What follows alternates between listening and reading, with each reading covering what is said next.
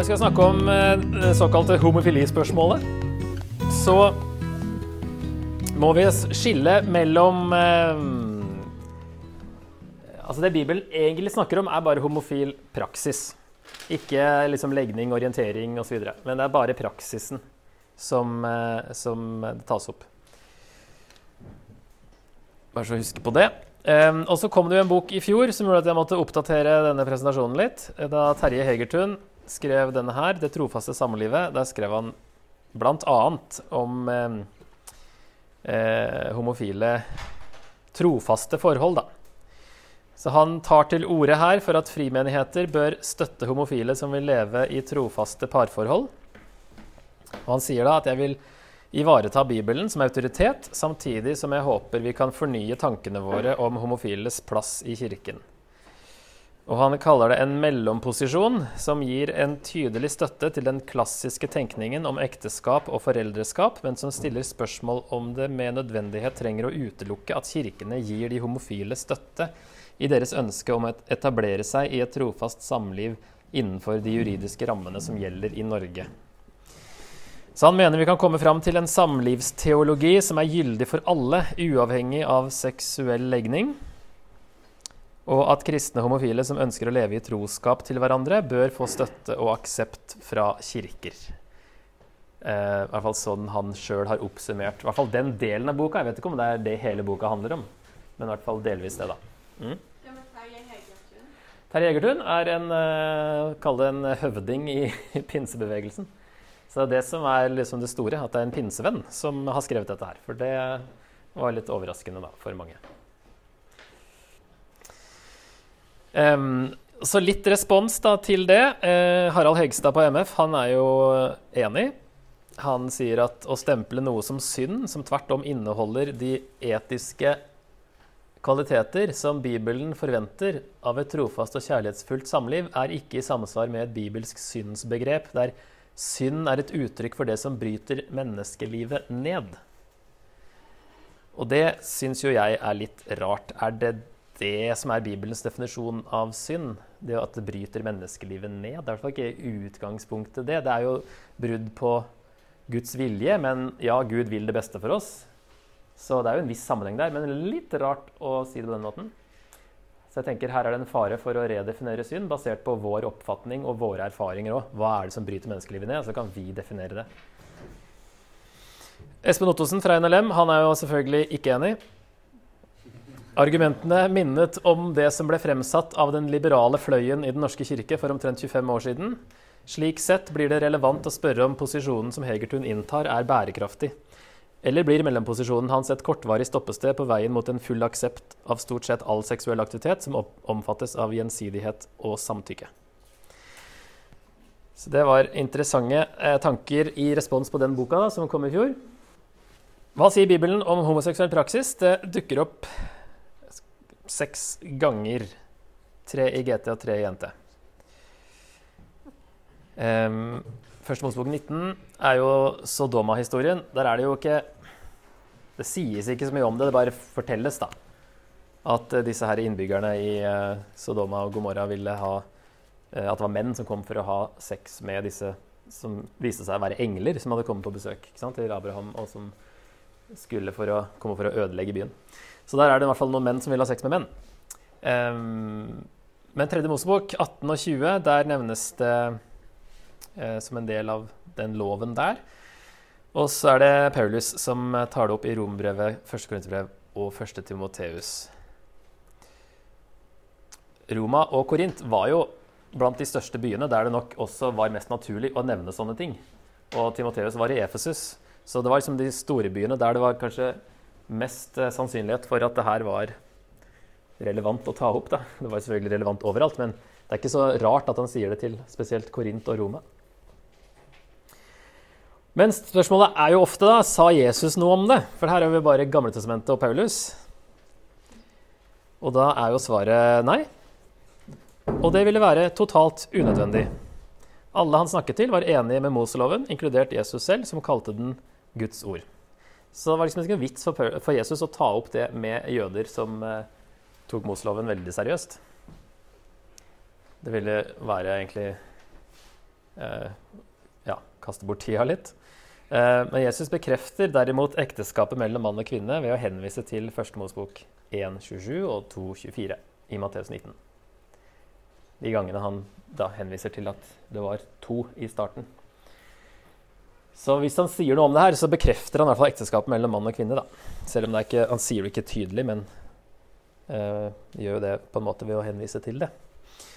Så vi kan ikke bruke Jesu taushet som et argument for en annen etisk standard enn den som GT og Moseloven kommer med. Det blir en sånn argument ut fra stillhet, som det heter. Men stillheten er jo der fordi de var enige og holdt Moseloven som Guds ord. Så da må vi se på disse tekstene fra Paulus. Så vi begynner med Romerne 1, 24-27. Der står det at de, og det er mennesker som holder sannheten nede i urett, fulgte sitt hjertes lyster, derfor overga Gud dem til urenhet, slik at de vanæret kroppen sin med hverandre. De byttet ut Guds sannhet med løgn og tilba og dyrket det skapte i stedet for Skaperen, Han som er velsignet i evighet. Amen. Derfor overga Gud dem til skammelige lidenskaper. Kvinnene deres byttet ut det naturlige samliv med det unaturlige. På samme måte sluttet mennene å ha naturlig samliv med kvinner og brant i begjær etter hverandre. Menn drev utukt Utukt, hva heter det? Heller ikke et ord jeg bruker til vanlig. Med menn. Og de måtte selv ta straffen for sin villfarelse. Her i Romerne 1 dette er en beskrivelse av et slags kontinuerlig syndefall. Paulus bruker ordene for mann og kvinne fra 1. Mosebok 1.27 og tenker generelt, ikke på spesifikke individer, for han bruker liksom ordene for hannkjønn og hunnkjønn. Så det er veldig generell tanke her. Det er ikke snakk om noen, en gruppe mennesker eller en annen gruppe mennesker. Det er en sånn generell beskrivelse. Hannkjønn og hunnkjønn. Som, som, blir et eksempel på menneskets opprør da, mot uh, Guds skaperordning. Og at vi bytta ut det Gud hadde sagt, og bytta ut Gud med andre ting og begynte å gjøre som vi ville, og at det blir for Paulus her et eksempel på dette opprøret. Um, Romerne 1 sier at hvert menneske tilber enten Gud eller noe annet, og at det moralske forfallet som beskrives, kommer som et resultat av dette opprøret mot Gud. Så Paulus bruker homoseksuell praksis som et eksempel på et opprør mot Guds skaperorden. Men det står òg mye andre i mange andre ting i lista her. Jeg var få nevnt det. Altså, for det er en tendens til at uh, det her blir liksom en mye verre syn enn alt annet. Uh, som det kan oppfattes. Men uh, Paulus ramser opp f.eks. Den som er ulydig mot foreldrene. Står i samme kontekst som dette her. Så det er et stort spekter av synd, og det her er jo et eksempel han trekker fram her, men det står veldig mye annet òg i samme oppramsing her, da. Å være brautende står, står, det også. Så bare så husk på det. Det er mer i de kontekstene. Ok, 1. Korinter 6. Vet dere ikke at de som gjør urett, ikke skal arve Guds rike? La dere ikke føre vill. Verken de som driver hor, de som dyrker avguder, eller de som bryter ekteskapet, verken menn som ligger med menn, eller som lar seg ligge med, Verken tyver, grådige, drukkenbolter, spottere eller ransmenn her er også en liste, skal arve Guds rike. Slik var noen av dere før. Men nå er dere vasket rene. Dere er gjort hellige, dere er gjort rettferdige i Herren Jesu Kristi navn og ved vår Guds ånd. Og Her bruker Paulus ordet som han eh, har eh, henta fra 3. Mosebok 18 og 20. Kobla det sammen, ordet for mann og ordet for seng, som Paulus da kanskje er den første til å lage Eh, et eget ord av. Og, for det er to her, da. Menn som ligger med menn, det er denne arsen og koitai. Og så er det de som lar seg ligge med, som er malakoi, som er et ord som egentlig betyr myk. Eh, som da blir brukt også i betydning feminin. Og det inkluderer da begge sider av det som kalles pederasti. Den vanligste formen for homoseksuelle forhold i den greske verden. Altså en eldre mann og en yngre mann, da. Som var i gresk kontekst det vanligste. Og så sier han slik var noen av dere før. Så det er ikke bare teori for Paulus. Han kjenner folk i Korint som var bl.a. det, men som har slutta med det. Han snakker ikke om legning, orientering eller noe sånt, men han snakker om praksisen som de har slutta med. At de endra livsstil. Ikke nødvendigvis legning, da. Han kjente folk som hadde gjort dette.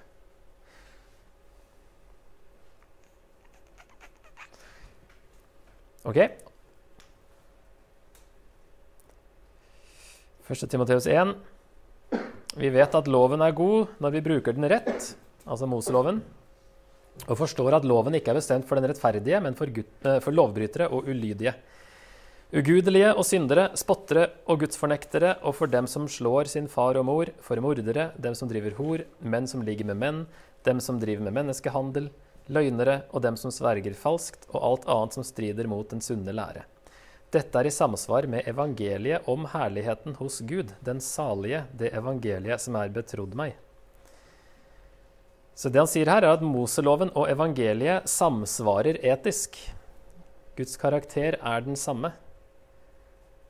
Moseloven er for den, den, den, den, den, altså for å hindre lovbrudd, da. Men dette er i samsvar med evangeliet. Det er liksom Guds vilje uttrykt. Altså Gud er den samme, selv om gamle pakt og nye pakt er forskjellig. Så er hans karakter og hans vilje i bunn og grunn den samme, da.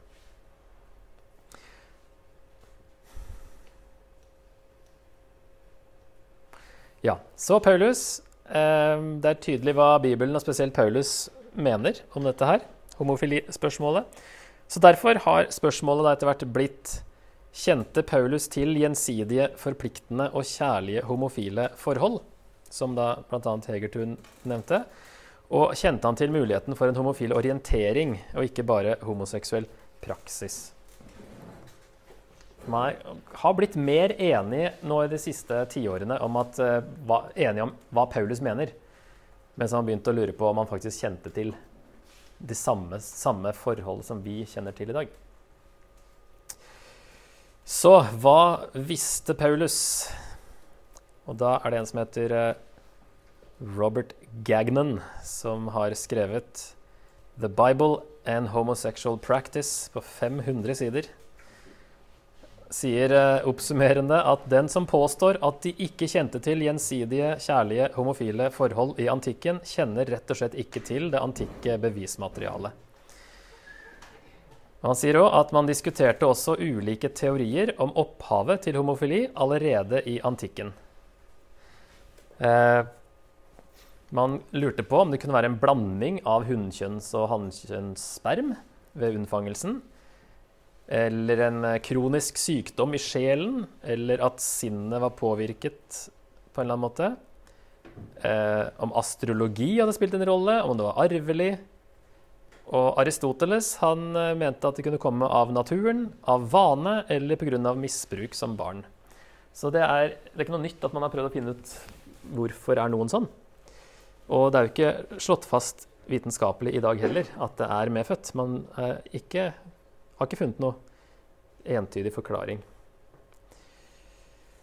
Um, ja, robgagnon.net er hans nettside, hvis dere vil se mer der. Og da når vi kommer inn på det her med medfødt eller ikke medfødt, så kommer vi inn på det her eh, homoterapi og sånne ting. Um, og det var i dagen desember 19, 2019, så er det han her, Stein Solberg. Han er en prest og sjelesørger som sier da inn, Overskriften var eh, 'Bekjennelser fra en eh, eh, Bekjennelser og innspill fra en homoterapeut'. Så han var ikke så redd for å kalle seg det, da. Og han sier at et avgjørende premiss for mange synes i denne debatten å være at mennesker med homoerotiske lengsler er født sånn. Men dette premisset er uholdbart. Det viser bl.a. historiens grundigste undersøkelse omkring denne tematikken, Publisert i tidsskriftene Science og Nature tidligere i høst, og også i noen norske aviser. Gener kan bare forklare 8-25% av ikke-heteroseksuell atferd. Resten må tilskrives en lang rekke ikke-genetiske faktorer. Lignende resultater har man også tidligere kommet til i studier av eneggede tvillingpar. Så sier han videre ut fra denne og mange andre terapeuters undersøkelser og egne observasjoner over mange år er jeg overbevist om at kjønnsidentitet og seksualitet kan endres. Å benekte eller latterliggjøre dette er synsing og et ideologibasert og fordomsfullt standpunkt, ikke et vitenskapelig. Vi hadde kommet langt i retning av en felles forståelse av denne tematikken om vi innrømmer at forskning og konklusjoner på dette området er sterkt ideologisert og politisert. Så det er ikke vitenskapelig basis for å si at man er født sånn. Selv om det kan føles sånn. Men det er ikke i hvert fall mulig å, å, å vise det ut fra vitenskap. Men, men det er veldig komplekst, og er, vi vet egentlig ikke hva som forårsaker det. Det kan være mye forskjellig. Bjørn Helge Sandvei han var min gresklærer på MF.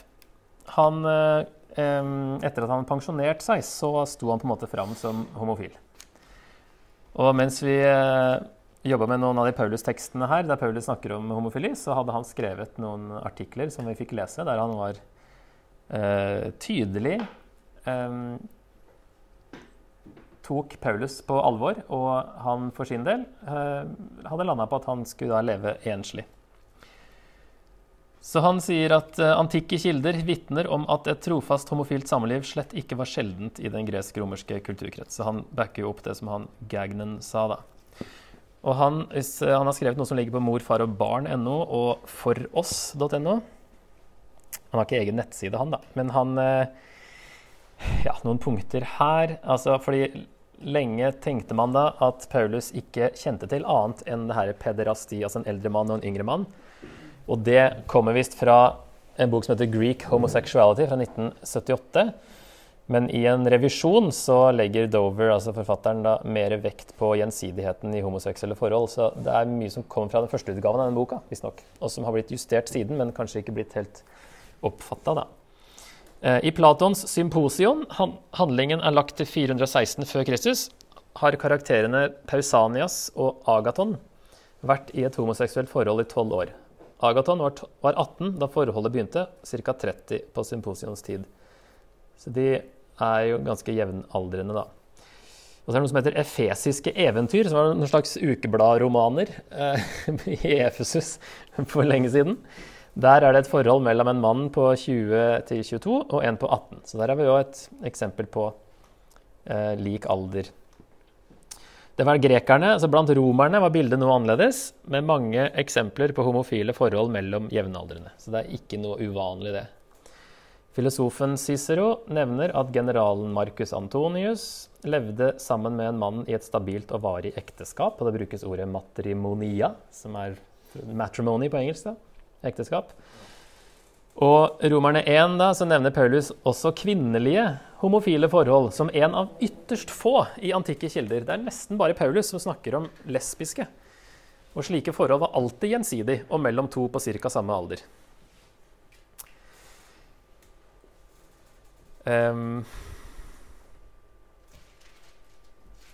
og selv de som støtta mannlige homofile forhold, avviste kvinnelige homofile forhold. Det ble sett ned på, stort sett. Mannlig homoseksualitet, det, det var bra, liksom. Men kvinnelig, det var eh, noe negativt. Så Paulus tydeligvis han kjente til det òg, selv om det ikke nevnes ofte i det hele tatt i eh, antikke kilder.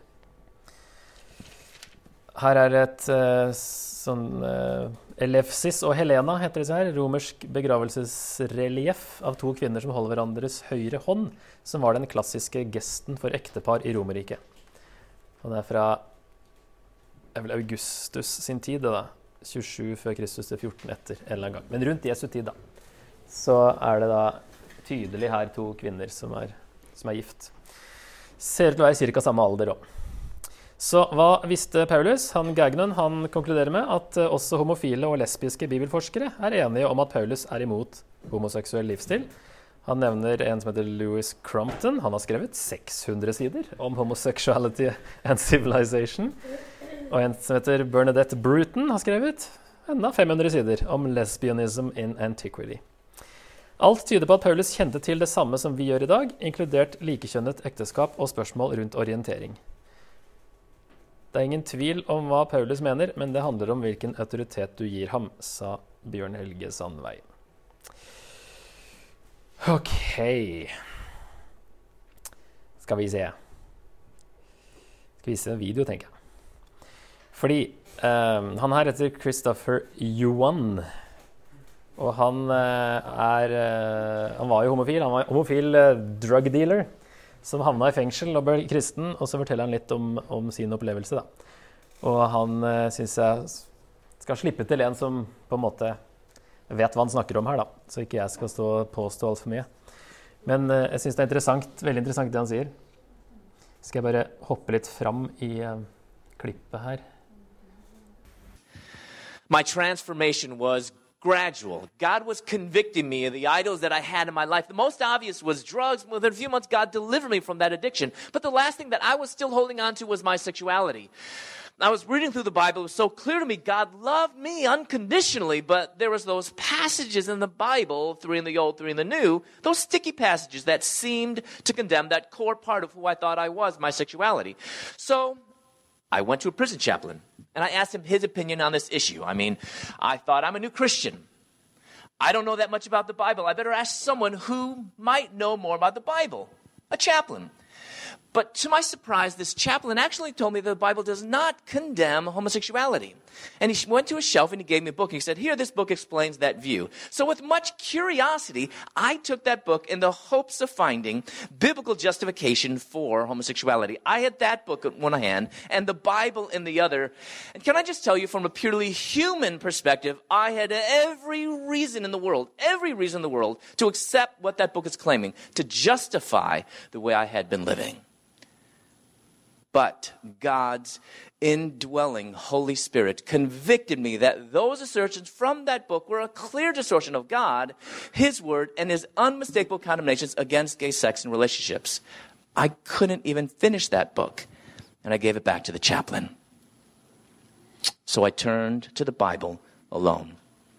And I went through every verse, every chapter, every page of scripture, looking for justification for homosexuality, looking for anything. I wanted to find any type of positive affirmation, a blessing of a monogamous gay relationship. I went cover to cover several times I had time. I went and I looked and I looked, scouring the pages of scripture, and I couldn't find any. So I was at a turning point. Either abandon God and His Word, live as a gay man, and pursue a monogamous gay relationship by allowing my attractions to not only dictate who I was, but also how I lived. Or abandon pursuing a gay relationship by liberating myself from my sexuality and live as a follower of Jesus Christ. God showed, showed me I only had one direction. Follow Jesus. As the days and the weeks and the months of abstinence passed, I realized a few things. First, it's possible. Second, abstinence from sex is not going to make me go crazy no matter what Oprah says. Third, through abstinence, I realized that my sexuality shouldn't be the core of who I am. I told myself before, God loves me unconditionally. That is biblical truth. But don't we like to add to God's truth? I added, so therefore he doesn't want me to change.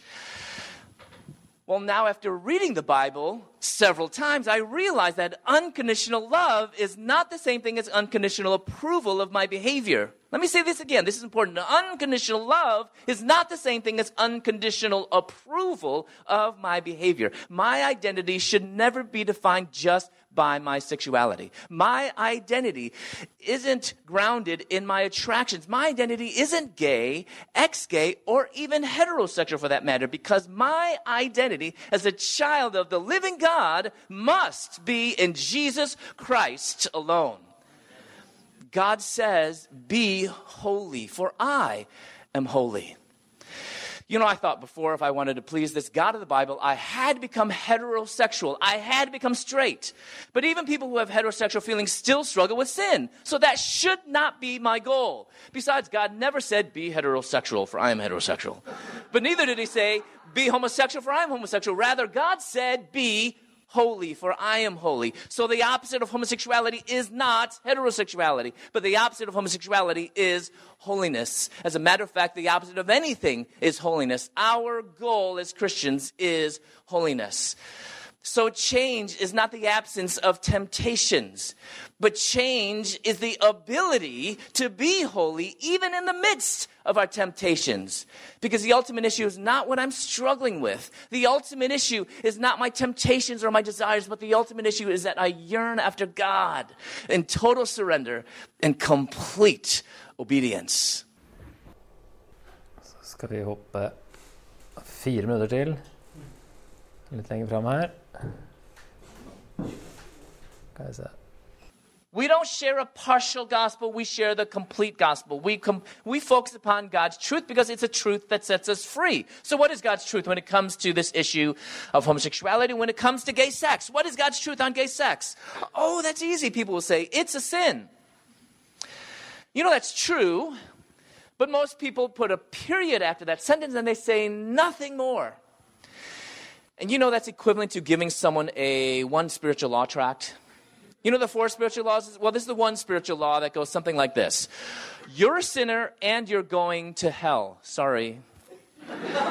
In case you didn't know, that's not good news. That's bad news.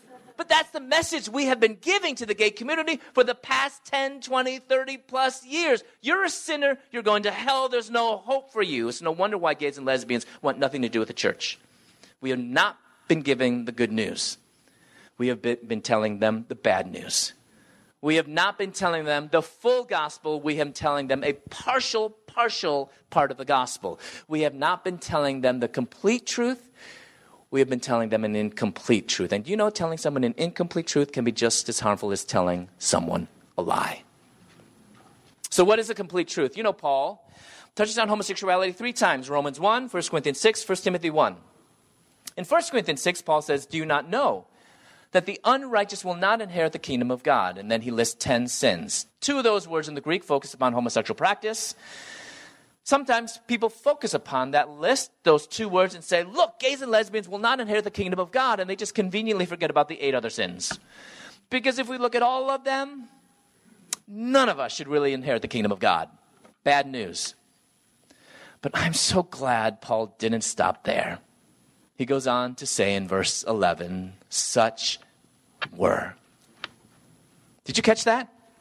Such were past tense, some of you, but you were washed. You were sanctified. You were justified in the name of Lord Jesus Christ and the Spirit of our God. That, ladies and gentlemen, isn't good news. It's amazing news. It's amazing news that we can declare from the rooftop to the gay community, straight community, to any community that needs to know about Jesus Christ. So our message must be redemptive.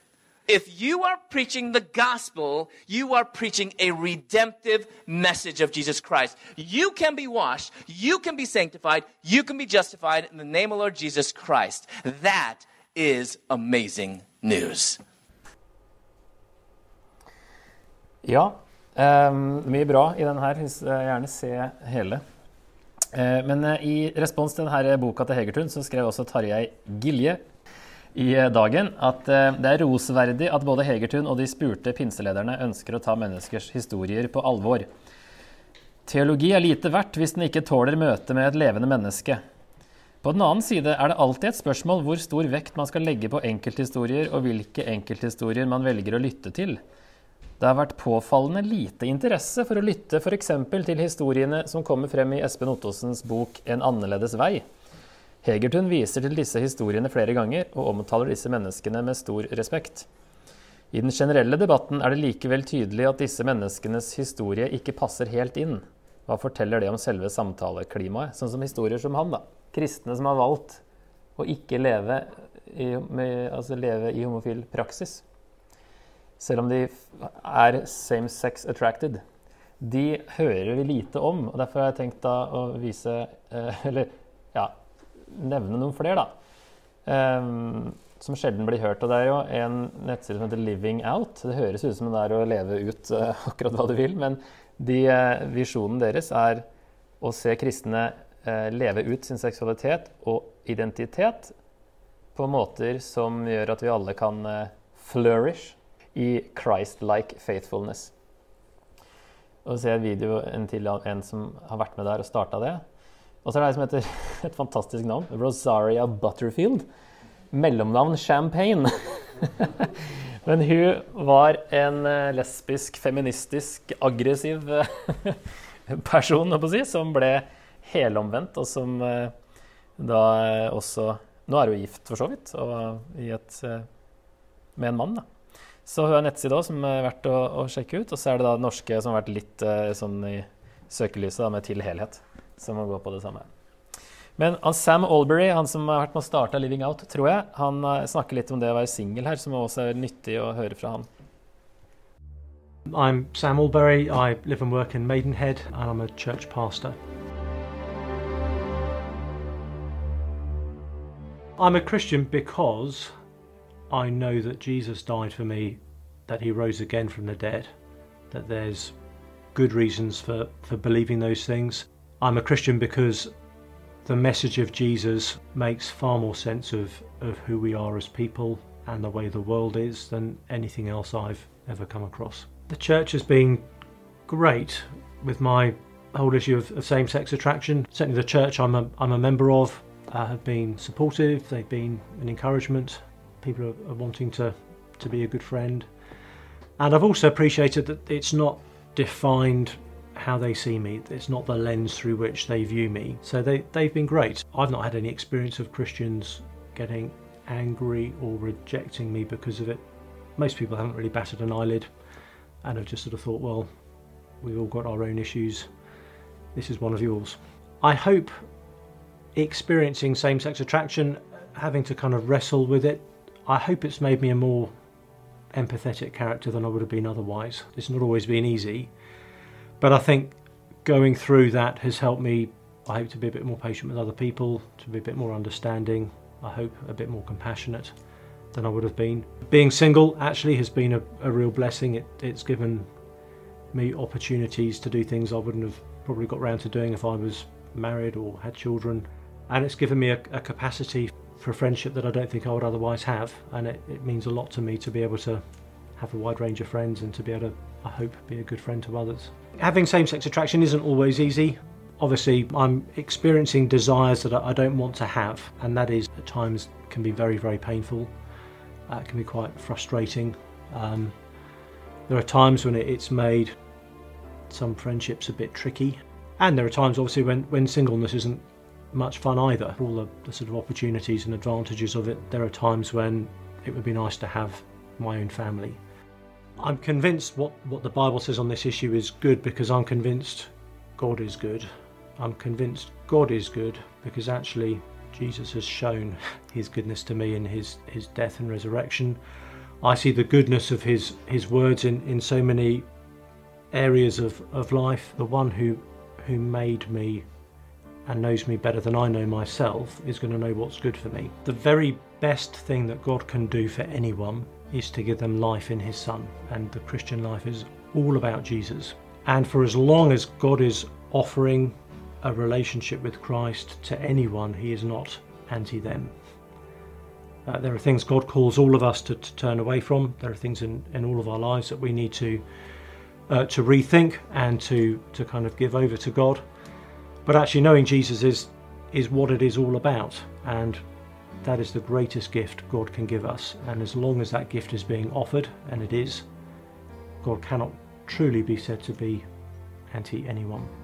One of the things Jesus says that, that most, I guess, encourages me in this whole area, and I, I hope would encourage others in other areas too, is that Jesus said on one occasion that, that anyone who leaves uh, fathers and mothers and brothers and sisters and homes and other things for him and for the sake of the gospel, even in this life, will receive a hundredfold in return. So, although we have to give things up to be Christian, although we have to turn away from certain things, leave certain things behind, actually, we, we always, even in this life, receive far more back from Jesus than we ever give for Him. And so, although there'll be certain kinds of relationships I'm, I'm not going to enter into as a Christian, um, I've received back from Jesus a whole wonderful other set of relationships um, within the, you know, being part of a Christian community, being part of a church family. Um, and so it's, it's never a bad deal to follow Jesus.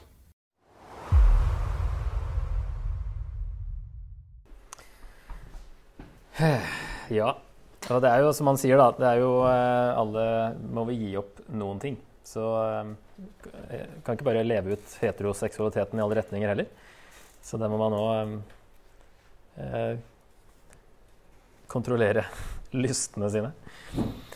OK, vi går mot eh, slutten.